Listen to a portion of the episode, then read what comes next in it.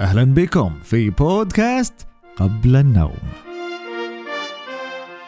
حيث أسرد لكم أعزائي الأطفال قصص ما قبل النوم. أعزائي الأطفال عدت إليكم في أسبوع جديد من هذه الجزيرة. آخ كم أنا متعب اليوم. أنا أتمشى منذ يومين حتى أصل إلى هذه الغابة البرتقالية. هل تعلمون لما هي برتقالية؟ اكتشفت الآن لأن كل ما فيها أشجار برتقال وهي على الشاطئ أيضا ما أجملها من غابة. ولهذا أجد البرتقال في كل مكان وبيدي عصير البرتقال. أعصره وأشربه وأحبه كثيرا بدون سكر على فكرة. على كل حال قصة اليوم هي من هنا من هذه الجزيرة. ولن أخبركم من الذي تعرفت عليه هنا لأروي قصته لكم؟ تعرفت عليه عند الشاطئ الآخر عند شجرة النخيل. اسمعوا اسمعوا ما أجمل صوته. إنه يخبركم بصوته أن تغسلوا أسنانكم. هيا لنبدأ. وحتى نبدأ القصة أتمنى أن تغلقوا عيونكم وتستمعوا لي وأنا أروي هذه القصة. سأعد إلى الثلاثة وأبدأ بسرد هذه القصة. واحد اثنان ثلاثة. كان يا مكان ويا ما سيكون كانت هناك بلبلة تعيش هنا في جزيرة الحتحيت المسالمة وقد بنت عشها في أعلى شجرة النخيل حيث وضعت بيضها وهي من أكثر الأشجار ارتفاعا في الجزيرة وبعد أيام خرج من البيض فراخ بلابل صغيرة يكسو جسدها ريش قليل وبالكاد تستطيع رفع رأسها ولا تتوقف عن الزقزقة وفتح مناقيرها لطلب الطعام من والدتها.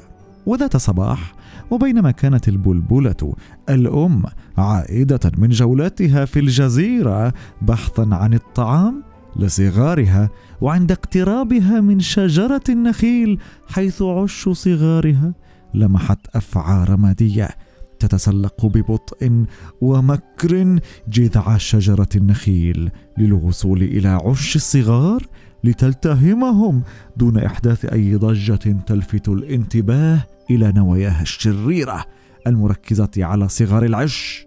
فشعرت البلبلة الأم بالخطر وخافت فزقزقت وصرخت بصوت عال طلبا للمساعدة بينما كانت تحوم حول عشها. وللأسف لم يسمعها أحد.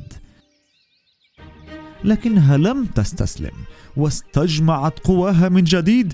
في لحظة فكرت فيها بصغارها فهبطت إلى الأرض ووضعت الطعام الذي جمعته لصغارها جانبا وحملت بواسطة منقارها وأقدامها عوضا عنه حجارة وحلقت من جديد باتجاه الشجرة. وألقت ما في جعبتها من حجارة باتجاه الأفعى التي أصدرت فحيحا عاليا من الألم لكنها لم تتوقف وواصلت زحفها باتجاه العش. لم تيأس البلبلة الأم وأعادت الهبوط إلى الأرض مرة أخرى حاملة معها هذه المرة حجارة أكبر حجما من سابقتها. وأعادت الكرة بأن قذفت تلك الحجارة على الأفعى التي كانت تقترب شيئا فشيئا من عش الصغار. أعزائي الأطفال في هذه المرة جعلت الحجارة الأفعى تسقط ارضا بعد أن فقدت توازنها بسبب إصابة جسدها بتلك الحجارة الكبيرة. فرحت البلبلة الأم بهذا الانتصار وأنا فرحت أيضا. وعادت وجلبت الطعام الذي وضعته جانبا قبل تلك المعركة لتطعم صغارها في العش.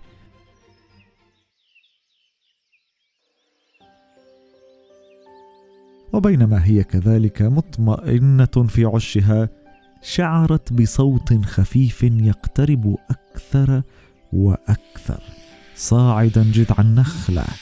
فنظرت إلى الأسفل لتجد أن الأفعى أعادت الكرة. لتسلق الشجره والوصول إلى العش مرة أخرى. هنا قالت الأم محدثة نفسها ألم تكتفي هذه الأفعى بما نالته من عقاب نتيجة محاولتها الاعتداء على بيتي وصغاري؟ حسنا أنا سألقنها الدرس. صرخ الصغار في العش متوسلين وقد تسرب شيء من الخوف إلى قلوبهم عندما شعروا أن أمهم تفكر بمغادرة العش. لا تتركينا وحدنا أرجوك يا أمي لا تذهبي فنحن صغار ولا نستطيع القتال. والدفاع عن العش وحدنا وهذه الأفعى التي حدثتنا عنها قد جاءت لتأكلنا. فماذا فماذا سنفعل؟ قالت الأم وقد استجمعت كل قواها وشجاعتها وقالت لهم بحزم. هيا بنا هيا بنا جميعا لنقذف ما بجعبتنا من حجارة باتجاه هذه الأفعى التي تعتدي على أعشاشنا وصغارنا. فلا مهرب لها اليوم منا. وبالفعل بدأت طيور البلابل بالتناوب بإلقاء الحجارة باتجاه جسد تلك الافعى التي تلوت وصاحت من الألم وانسحبت بصمت هابطة من جذع الشجرة وقد تركت ضربات تلك الحجارة المتتابعة علامات تشبه البقع الرمادية على جسدها الأسود. ولم تتوقف البلابل عن قذفها بالحجارة حتى تأكدوا أنها قد اختفت بعيدا وإلى الأبد. فرح الصغار في العش بذلك النصر وبمشهد تلك الأفعى وهي تنسحب مختبئة باتجاه جحرها. فقال أكبرهم انظروا انظروا كيف هربت تلك الأفعى الغدارة وأصبحت مرقطة بسبب اعتدائها علينا. لقد تلقنت درسا لن تنساه في حياتها ولن تقترب منا بعد الآن. فنحن بلابل شجرة النخيل. أعزائي الأطفال كما رأيتم عندما اجتمعت البلبلة مع أصدقائها وأحبابها وعائلتها وجيرانها أصبحوا أقوى من المعتدي فبالوحدة يقوى الضعيف وبالفرقة الضعف. انظر الآن في منظاري إلى منطقة الشاطئ الثاني حيث النخلة. وأرى البلبل مع أطفاله سالمين غانمين سعيدين. إنها نهاية سعيدة. اليوم معنا نهاية سعيدة. أتمنى أن تكون القصة قد أعجبتكم أعزائي الأطفال وأتمنى أن أسمع رأيكم فيما فعله البلبل مع الثعبان أو الحية. أخبروني برسائل صوتية على تطبيق أنكر على صفحة بودكاست قبل النوم وسأضعها في القصة التالية في نهايتها كما أفعل في كل قصة إذا كانت هذه القصة من تأليف دعت صيرفي مشكورة لبودكاست قبل النوم. تستطيعون دعم هذا البودكاست عن طريق الرابط الباتريون الموجود أسفل الحلقة. لا تنسوا الاشتراك في قناتنا على يوتيوب بودكاست قبل النوم. أما الآن فننهي حلقتنا بأغنية النوم ثم تستمعون إلى رسائلكم. كانت هذه قصة ما قبل النوم لهذا اليوم. أحلاما سعيدة نني يا عيني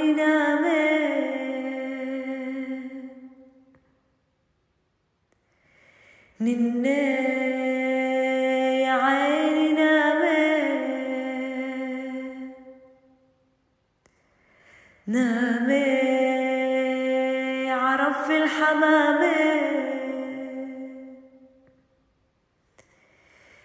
نني نام يا عيني نام نني نام يا عيني نام عرف الحمام.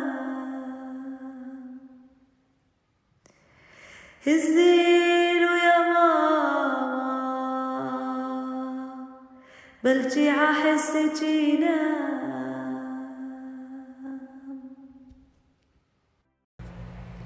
أهلا بكم في بودكاست ما قبل النوم. أنا اسمي كمال عمري سبع سنين. شكرا يا عم عبد الرحمن على قصك قصصك الحلوة. أنا بحب قصة الليلة والذئب. عم عبد الرحمن أنا حبيت قصة سارة لأنه إحنا. رحنا القدس قبلها وهي راحت القدس. إن شاء الله أنت تروح القدس. السلام عليكم ورحمة الله وبركاته. أنا اسمي محمد وقصتي المفضلة هي الراعي تيمور والكذب. وتصبحون على خير.